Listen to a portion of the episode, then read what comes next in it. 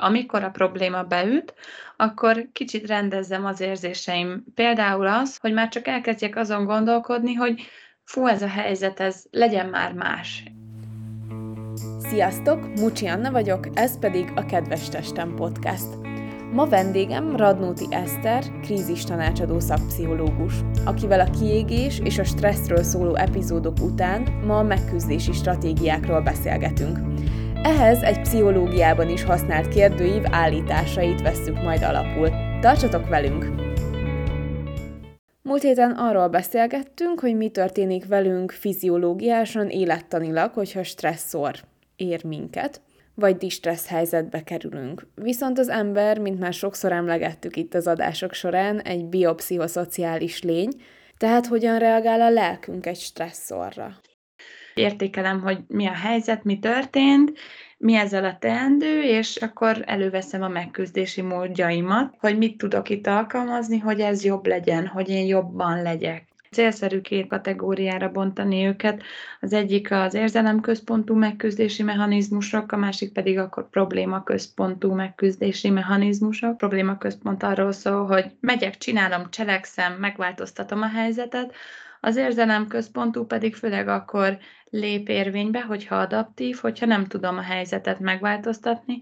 Itt viszont nagyon sok maladaptív, rosszul működő megküzdés is lehet, tehát például a tagadás, az elfolytás, káros szenvedélyeknek a mhm. előtérbe helyezése, amik ugye hosszú távon nem nagyon segítenek. Itt akkor célszerű bevezetnünk két fogalmat, az egyik az adaptív megküzdés, ami a jó és a helyesen alkalmazott megküzdési stratégiákat jelenti, a másik pedig a maladaptív, vagyis a nem megfelelő megküzdés. Egyébként ezen kívül a két csoportosításon kívül különböző szubcsoportokra, alcsoportokra osztják magukat a megküzdési stratégiákat, ilyenek a pozitív átértékelés, menekülés, szociális támaszkeresés, távolítás, elfogadás, konfrontálódás, tervszerű probléma megoldás, visszahúzódás, kontrollvesztés, segítségkérés szakembertől. Nagyon sokan kutatják ezt a témakört, mert egy nagyon izgalmas, meg érdekes, és szerintem még mindig nem teljesen feltérképezett témakör. Ahány kutató, annyiféle csoportba osztja őket. Ez, amit most elmondtál, ez a Lazarus féle felosztás, ez talán így a legszélesebb körben ismerte. De én azt gondolom, hogy ahogy a világ fejlődik és halad, úgy a megküzdési mechanizmusok is bizony változnak egy picit, és mindig ráfér egy kis vérfrissítés. Tök érdekes, hogy pont erről veled beszélgettünk, hogy én mindig ezek az elhárító mechanizmusokra, vagy a, az érzelmi alapú, tehát hogy a maladaptív érzelmi alapú megküzdésre mindig azt mondom, hogy olyan, mintha raknék egy nyílt törésre egy sebtapaszt. Ideig, óráig oké okay lesz de hogy csont az onnantól nem fog összeforni, meg az, az a seb onnantól nem fog gyógyulni. Ahhoz kell, hogy megoperáljanak, hogy összevarják, és hogy rendesen működj, hogy működjön utána. És az bizony fájdalmas egy operáció, de aztán a végén megéri nem csak egy sebtapaszt alkalmazni, hanem alávetni magunkat annak a műtétnek. Akkor vágjunk is bele a tesztbe. 22 állításon fogunk végigmenni a Lazarus féle csoportosítást alapul véve, és erről fogunk beszélgetni Eszterrel. Ez egyébként részét képezi egy önkitöltős kérdőívnek is, viszont nagyon fontos, hogy ezeket a teszteket fenntartásokkal kezeljük, és ne vonjunk le belőlük messze menő következtetéseket, ezt teljes mértékben csak gondolatébresztőnek szánjuk, és egy fonalát képezi a mai beszélgetésünknek önorvoslók ne erre alapozzák az életüket, szóval hogy kitöltök egy tesztet, és kijön ott egy eredmény, ez nem biztos, hogy azt jelenti, hogy az teljesen úgy van, tehát, hogy mi minden tesztet kontextusában értékelünk az adott személyre nézve. Akkor vágjunk is bele.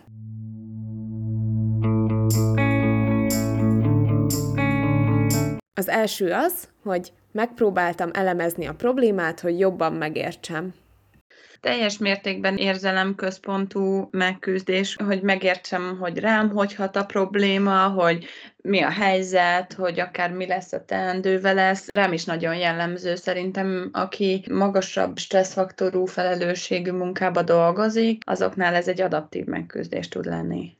Ha így megpróbálod elemezni, hogy jobban megértsd, akkor ez nem probléma központúnak számít inkább? A probléma központú megküzdés az alapvetően arról szól, hogy cselekszem valamit, hogy más legyen az én problémám, vagy pedig megváltoztatom a helyzetet, és ebbe akár benne van az is, hogy megváltoztatom az én saját nézőpontomat, tehát átkeretezem azt az adott problémát, de az, amikor még csak így elemzem, hogy jobban megértsem, akkor az még jobban az én érzelmeimre hat, mint hogy én azt megoldjam. Úgyhogy én azt gondolom, hogy ezért tartozik az érzelem központú megküzdésbe mivel te ehhez sokkal jobban értesz, mint én, ezért én, én ezt el tudom fogadni. A második, engedtem vagy egyezkedtem, hogy valami jó származzon a dologból. Ebben például nagyon gyenge vagyok. nagyon makacs ember lévén nehezen engedek, pedig az, hogy alapból felelősséget vállalunk mondjuk a saját életünkért, meg a tetteinkért akár, vagy a nehézségeinkért, az egy nagyon adaptív megküzdés lenne és szuper lenne, hogyha ez nálam is működne, de én például ebben fejlődésre szorulok még. Harmadik, valami olyasmibe fogtam, amiről tudtam, hogy nem fog beválni, de legalább csináltam valamit. Egy abszolút probléma központú megoldás. Én mondjuk egyébként alapvetően azt hallom ki ebből, hogy igyekeztem tenni valamit a probléma megoldásának érdekében, de biztos, hogy tudtam már akkor, hogy ez nem fog sikerülni, de attól még tettem valamit, amivel megnyugtattam magam. Én ezt egy pótcselekvésként értelmeztem először, de most, hogy így mondod, a másik, ami erre nekem rezonál, ha például van egy már rosszul működő párkapcsolat, de még mindig igyekszel, hogy hát, ha jobb lesz, de már tudod, hogy nem lesz jobb, de azért még próbálkozol, hogy te el tud mondani, hogy te mindent megtettél. Négyes, magamat okoltam és hibáztattam. Na, ez abszolút egy maladaptív megküzdés, egy, egy nem jó megküzdési mód. Hol van a határ a között, hogy elismerem a saját hibáimat, vagy pedig magamat hibáztatom? Jó kérdés egyébként. Szerintem valahol ott, hogyha mondjuk próbálom alkalmazni azt a megküzdési módot, hogy eltávolodom a problémától egy kicsit, akár fizikailag, akár mentálisan, és tudok rá kívülről nézni. Ez lehet úgy is, hogy valaki segít nekem ebben, mondjuk a pszichológusom, mert fordulok egy pszichológushoz ezzel a problémával, és akkor általa tudom egy picit kívülről látni ezt a problémát. Picit reálisabb is tud lenni a szemléletem abban, hogy mi az én felelősségem, tehát hol tudok én felelősséget vállalni ezért a problémáért, és hol van az, ahol kompetenciámon vagy hatókörömön kívül esik. Egy gyönyörű közhely következik, minden rosszban van valami jó.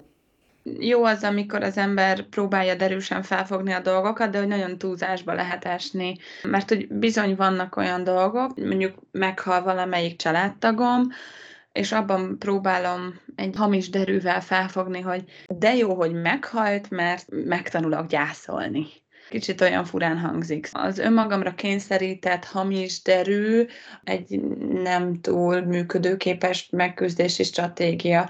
Persze egyébként, hogyha meg vannak olyan aspektusok, ahol tudom azt látni, mit tudom én, bezárt a bolt az orrom előtt, pedig úgy szerettem volna venni egy kiló lisztet, de legalább hazafele nem áztam meg, mert utána 10 perccel leszakadt az es, vagy az ég, és, és zuhogott, és akkor ebbe persze meg lehet látni a jót, de nem minden helyzetben feltétlenül lehet és muszáj.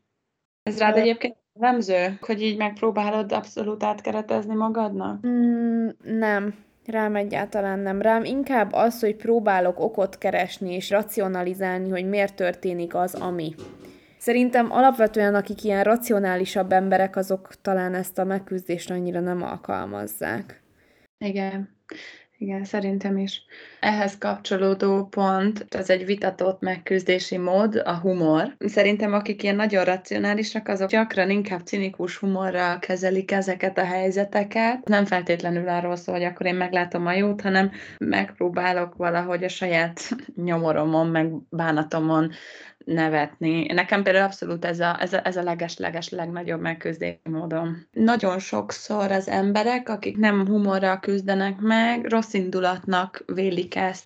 Ezt én is tapasztaltam, hogy adott esetben a nem egészségügyben dolgozók, hogyha hallanak minket egymás között beszélgetni, akkor furcsán néznek ránk, hogy mi néhány helyzeten miért tudunk nevetni, vagy miért találjuk viccesnek, pedig nagyon sokszor csak a kínunkban nevetünk, azért, hogy valahogy sublimáljuk, vagy megszabaduljunk ezektől az érzésektől.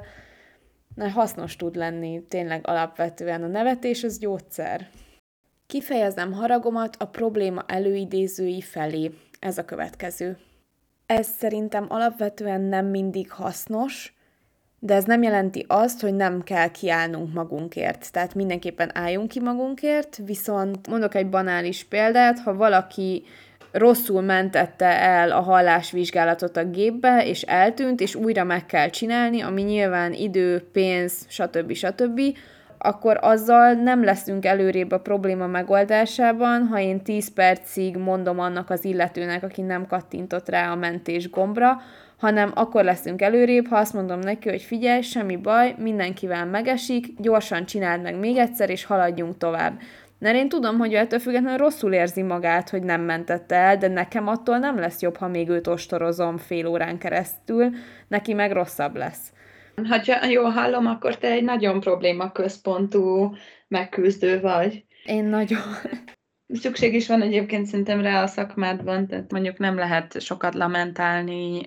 De kérdés az, hogy a megküzdési stratégiáink azok függnek-e az adott körülménytől. Például lehet az, hogy én a munkámban egy nagyon probléma központú megoldó vagyok, viszont a magánéletemben pedig inkább egy érzelmi aspektust alkalmazok. Szerintem nem. Mármint, hogy lehet, megengedem, hogy legyél, de hogy alapvetően a példa volt, alapvetően az embernek olyan helyzetekben, ahol meg kell küzdeni, ott automatikusan kapcsolnak be ezek a megküzdési stratégiái, vagy hát, hogy mondjam, nem gondolom végig, hogy akkor most melyiket fogom a listáról választani, és akkor azt csinálom, már meglévő megküzdési stratégiáim, amik már mondjuk etterbe váltak, vagy hogyha nem is váltak be, de nem ismerek mást, akkor azokat fogom alkalmazni, hol sikerrel, hol sikertelenül, és ezért nehéz átkapcsolni mondjuk akár egy munkabeli vagy egy párkapcsolatbeli helyzetben, és az ember a végén azzal fog operálni, amilyen van. És ezek a megküzdési mechanizmusok, ezek fejleszthetőek? Vagy a neveltetésed és az adott tulajdonságaid alapján, amivel születsz, neked van egy csomagod, és ebből kell gazdálkodnod életed végéig, vagy ezek változhatnak? Valóban nagyon meghatározó az, hogy milyen lesz a megküzdésünk, annak függvényében, hogy milyenek a szüleink, vagy hogy hogy neveltek a minket a szüleink. Ha én egy olyan családból jövök, ahol nagyon nem adaptív az én megküzdésem, attól függetlenül én a felnőtt életemben tudatosan tudok azért tenni, hogy tanuljak adaptív megküzdéseket, ami egyébként működik. Hetes, elfogadtam mások együttérzését és megértését. Társas támogatás, vagy támaszkeresés és támasznyújtás, ahol tudok kérni segítséget, és tudom is elfogadni. És a kettő sokszor nem ugyanaz. Ennek pont az ellenpólusa, ez a megpróbáltam az érzéseimet magamban tartani. Valahol meg kicsit ki is egészítik egymást, mert hogy az se biztos, hogy az ember mindenkivel osztja meg ezeket nehézségeket. Szóval lehet, hogy nem a munkahelyemen fogok szociális támaszt keresni, hanem egy embernek elmondom, és akkor rá nagyon támaszkodom. A helyzet valamilyen kreatív, alkotói tevékenységre ösztönzött. Na, ez a podcast, ez így született. Adrival mind a ketten egy magánéleti válság kellős közepén két nagyon rossz vegán süti felett Berlinben találkoztunk, és éppen megosztottuk egymással, hogy ki mennyire szomorú, hogy milyen a magyar emberek egészségi állapota, és hát ezzel csinálni kell valamit, és akkor elindult ez a podcast. Abszolút hatékony megküzdési stratégiám az alkotás, meg az alkotói folyamat, a festés, pont az ilyenekben is el lehet kapni ezt a flow élményt, ami egy óriási nagy topik, amikor az ember egy ilyen flow állapotba kerül, az, az egy nagyon tudja támogatni az embernek a megküzdését, megerősíteni az embert. Más emberként kerültem ki a helyzetből jó értelemben véve. Sokszor tapasztalom azt, hogy egy-egy nehézség azáltal, hogy én átverekedtem magam rajta, utána engem egy erősebb emberré tesz. És ez azt is jelenti, hogy jól küzdöttél meg a helyzettel. Te ezt be tudod építeni onnantól a személyiségedbe, hogy én meg tudok küzdeni egy ilyen dologgal. Ez még olyan szempontból is egy hasznos megküzdés, hogy most, amikor szakvizsgáztam, nagyon-nagyon-nagyon izgultam azt a záróvizsgálat, de hogy tényleg én soha nem voltam ilyen izgulós, Visszagondoltam arra, hogy de hát nyolc évig jártam egyetemre most már, hány ilyen szigorlat, nagy vizsga, államvizsga, minden volt, és valahogy, hogy így visszagondoltam arra, hogy hát én azzal is megküzdöttem, és hogy már azzal több vagyok, meg erősebb, attól így úgy megnyugodtam, csak úgy leültem oda, és így meséltem, és ez is egy megküzdés, hogy visszatérek gondolatban azokhoz a helyzetekhez, amivel már sikeresen meg tudtam küzdeni, amitől én több lettem, és ezt tudom abban az adott helyzetbe kamatoztatni. Igen, valahogy szabadjára engedtem az érzéseimet. Ebbe beletartozik akár az, hogy mondjuk sportolás során levezetjük a feszültséget? az valahogy egy, tehát ezek ilyen önmegnyugtató folyamatok is tudnak lenni, akár a sport, akár a sírás, akár hogy kiabálok egy nagyot, nem másokra, hanem úgy bele a világba. Ami ott bennem van, azt kiteszem a világba, könnyekkel, azzal az izommunkával, amit sportoláskor végzek. Az érzéseim szabadjára engedése az az én érzelem szabályozásom. Én most egy olyan biztonságos környezetbe tudok lenni, hogy ezt itt megtehetem.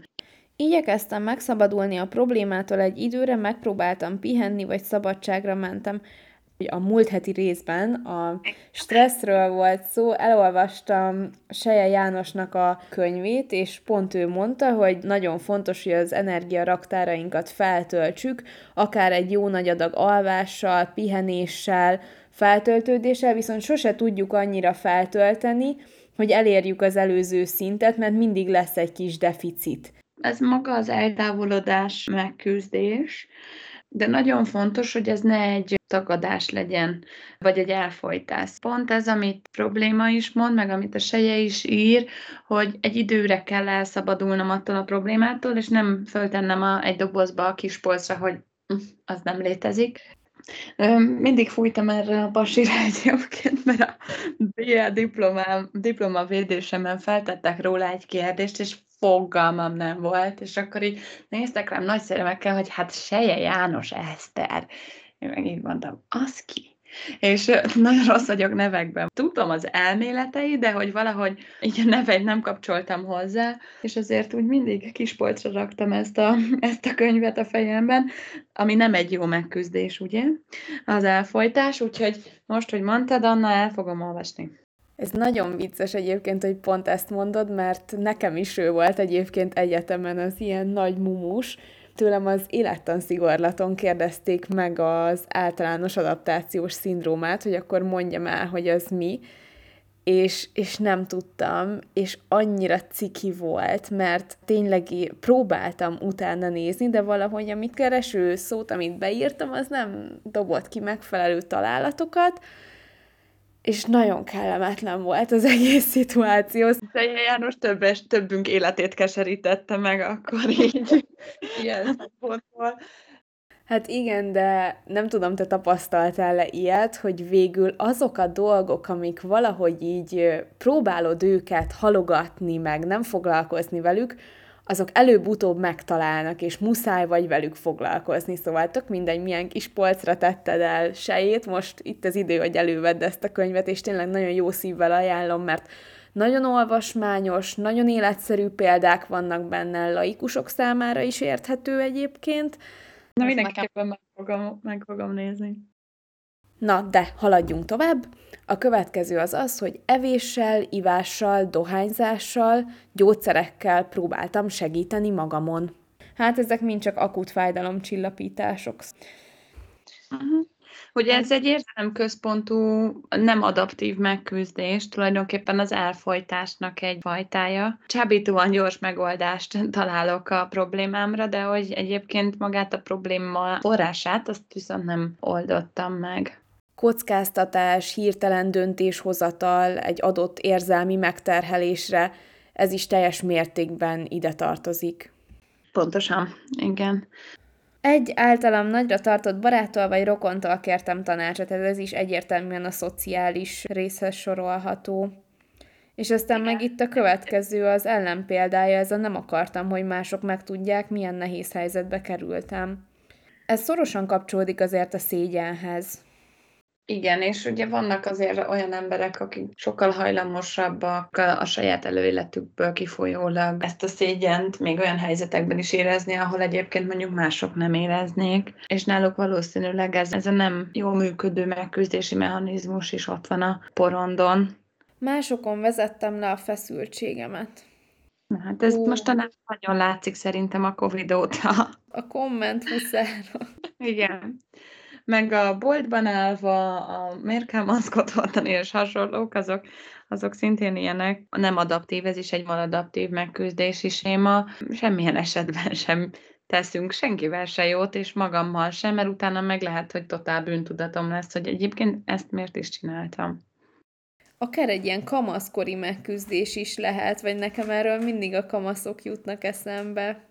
Most, hogy mondod, benne van a pakliban, ugye azért az ember kamaszkorban nagyon sokat sajátít el ezek közül a megküzdések közül, mert akkor már általában nem egy burokban él az ember, és vannak olyan problémák, amikről akár nem is tudnak a szülők, vagy hát tényleg az ő saját kis életében van, és neki kell vele szembesülnie, és amikor az utunkat keressük, akkor bizony csinálunk olyan dolgokat is, amik nem biztos, hogy a leghelyesebbek, ettől függetlenül lehet, hogy pont ennek a mentén tanuljuk meg azt, hogy másokon levezetni a feszültséget nem a legjobb. Itt is az, hogy máson vezetem le a feszültségemet, az mikor minősül már bántalmazásnak?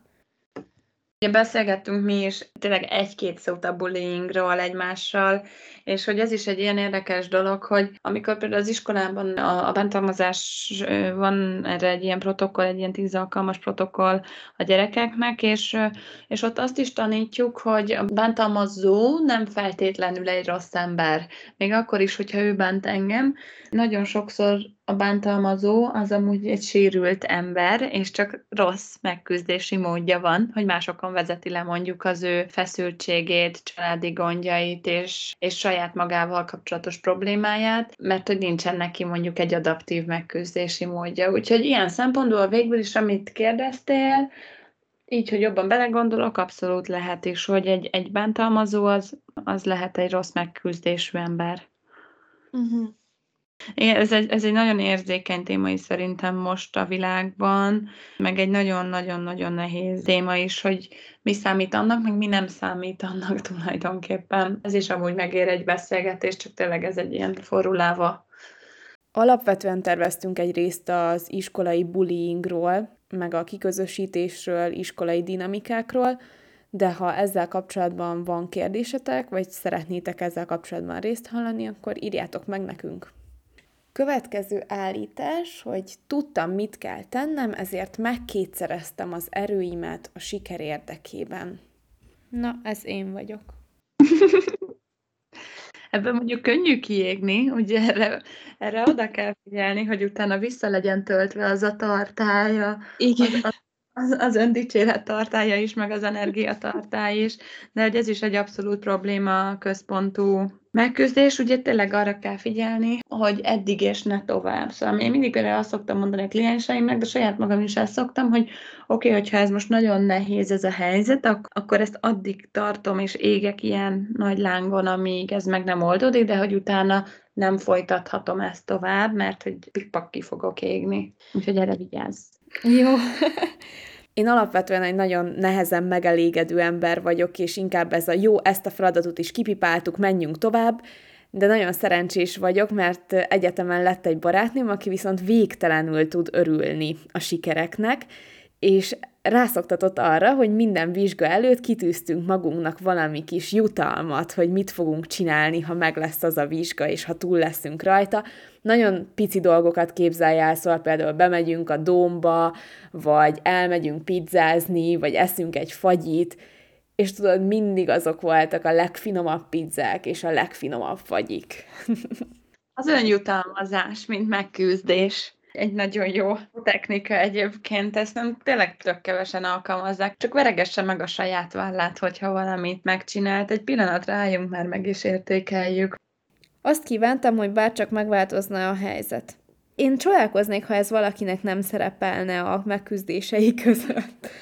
A nyugati szemlélet az egyre inkább próbálja arra terelni az embert, hogy legyen probléma központú a, a megküzdése, mert hogy ugye tényleg a toporgás az nem segít, de ugyanakkor ahhoz, hogy probléma központú legyen az én megküzdésem, ahhoz kell, hogy bizonyos szinten érzelmi központú is legyek, hogy amikor a probléma beüt, akkor kicsit rendezzem az érzéseim. Például az, hogy már csak elkezdjek azon gondolkodni, hogy fú, ez a helyzet, ez legyen már más. És akkor az a gondolat tovább vihet engem oda, hogy jó, de hogy legyen más. Jó, akkor találok ABC utat arra, hogy hogy legyen más. Szóval, hogy ahhoz, hogy probléma központú megküzdésem működjön, bizony kell, hogy legyen előtte egy érzelmi rendezés.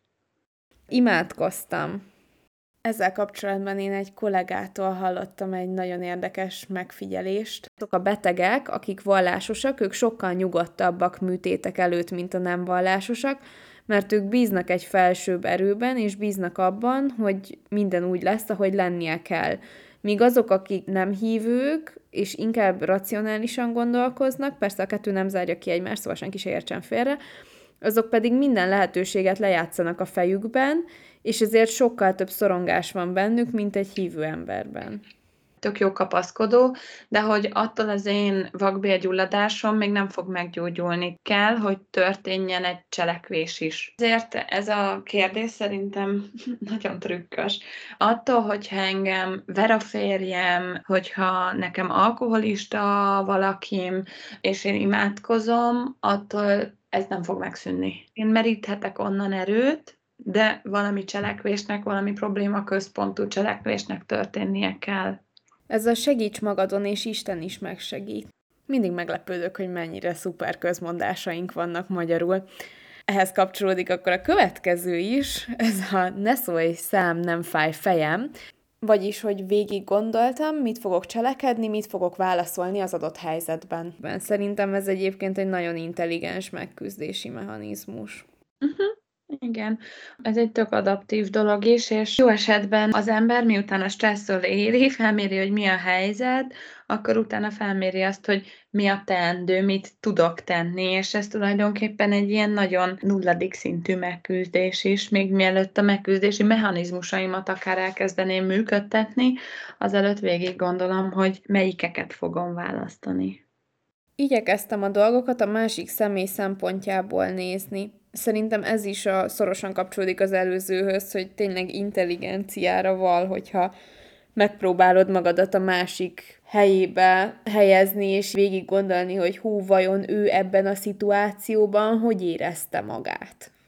Igen, abszolút egyetértek, tehát a mentalizáció, elképzelni azt, hogy a másik mit gondol, mit érez, az egy nagyon-nagyon fontos tulajdonság, és nagyon sokszor szemléletváltó tud lenni ugyanakkor beleragadni ebbe a helyzetbe, és tudom, hogy mindig ezzel jövök, hogy átesni a ló túloldalára megint nem jó, azt, hogy állandóan a másik szemszögéből próbálom szemlélni az eseményt, vagy az ő helyzetét próbálom meg figyelembe venni, az az én megküzdésemen és az én helyzetemen sokszor nem segít. Lassan a végére érünk. Több különböző megoldást találtam a problémára. Hát igen, felvázolom magamban, hogy milyen opciók vannak, és viszonylag rövid időn belül kiválasztom azt, amelyik hatékony. És arra próbálom az energiámat csoportosítani, hogy minél hamarabb döntést hozzak, hogy aztán több energiám maradjon a megoldásra. Uh-huh. Én ezt mindig úgy szoktam elképzelni, hogy, hogy van előttem három út, amin elindulhatok, és ha egy helybe toporgok, ugye nem jutok semmire hogyha mind a három úton próbálok egyszerre elindulni, egyrészt lehetetlen, mert nincs három lábam, de hogyha mondjuk akár két úton próbálok elindulni, akkor az első pár lépésem még működőképes lesz, aztán szétszakadok. Ezért muszáj vagyok választani egy utat, és hogyha nem működik az az út, mert egy út akadályba ütközöm, akkor visszafordulok, és akkor megpróbálom a másik utat. Én így képzelem mindig el ezt a megküzdést, amit most te is mondtál, hogy vázolod magadba, és aztán kiválasztod, hogy szerinted mi a legmegfelelőbb. És bizony van olyan, hogy néha nem az lesz a legmegfelelőbb, amit annak gondoltunk, és akkor visszamegyek, újra rendezem a gondolataim, lezárom azt az utat, ahol nem jártam sikerrel, és elindulok egy másikon.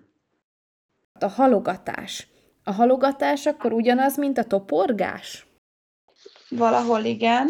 A halogatásról van egy olyan elmélet is, hogy sokszor az önbizalom hiány okozza. Egyszerűen akkorának tűnik az a feladat, hogy nem vagyok képes meglépni, megugrani, mert úgysem sikerül. Ez a legelfogadottabb nézőpontja a halogatásnak. Van egy úgynevezett debilizáló szorongás nevű dolog, amikor annyira nagyon sok rajtam egy feladat, meg kell írnom öt szakdolgozatot, meg le kell tennem négy nyelvvizsgát, és közben itthon is helyt kell állni, és közben meg kell mentenem a világot, és én a kormányzok egy országot, szóval ez ugye elég soknak tűnik, akkor van egy olyan pont, ahol az embert elérheti a teljesítményszorongás, ami debilizálja, tehát megbénítja, és az ugye kijöhet abban, hogy azt se tudom, hogy mihez kapjak, elkezdem halogatni, hiszen nem tudom, hogy hol álljak neki, vagy hol kezdjek neki, és akkor ott is lesz egy ilyen toporgás. Aki észreveszi magán azt például, hogy a megküldési mechanizmusai nem biztos, hogy a legjobbak, vagy nagyon nehezen kezd valamit a halogatásával, arra én nagyon szoktam javasolni a kognitív viselkedés terápiát, Szerintem az emberek alapból nem nagyon vannak tisztában azzal, hogy a pszichológián belül nagyon sokféle mód és lehetőség van, és például ez is egy ilyen dolog, és a, a kognitív viselkedés terápia alapból egy olyan típusú terápia, ami nagyon konkrét megoldásokat ad egy problémákra, akár feladatokat is, és, és ott például a listázás egy abszolút bevett és bevált dolog, szokott is működni. Na, hát akkor listázásra fel. Ha van valami kérdésetek ezzel a témával kapcsolatban, írjátok meg nekünk, és legközelebb is igyekszünk hasonló témákról beszélgetni. Igen, köszi Anna, én meg megyek vissza, megnézem a mai listámat, hogy van-e még valami teendő rajta. Tartsatok velünk jövő héten is, sziasztok! Sziasztok!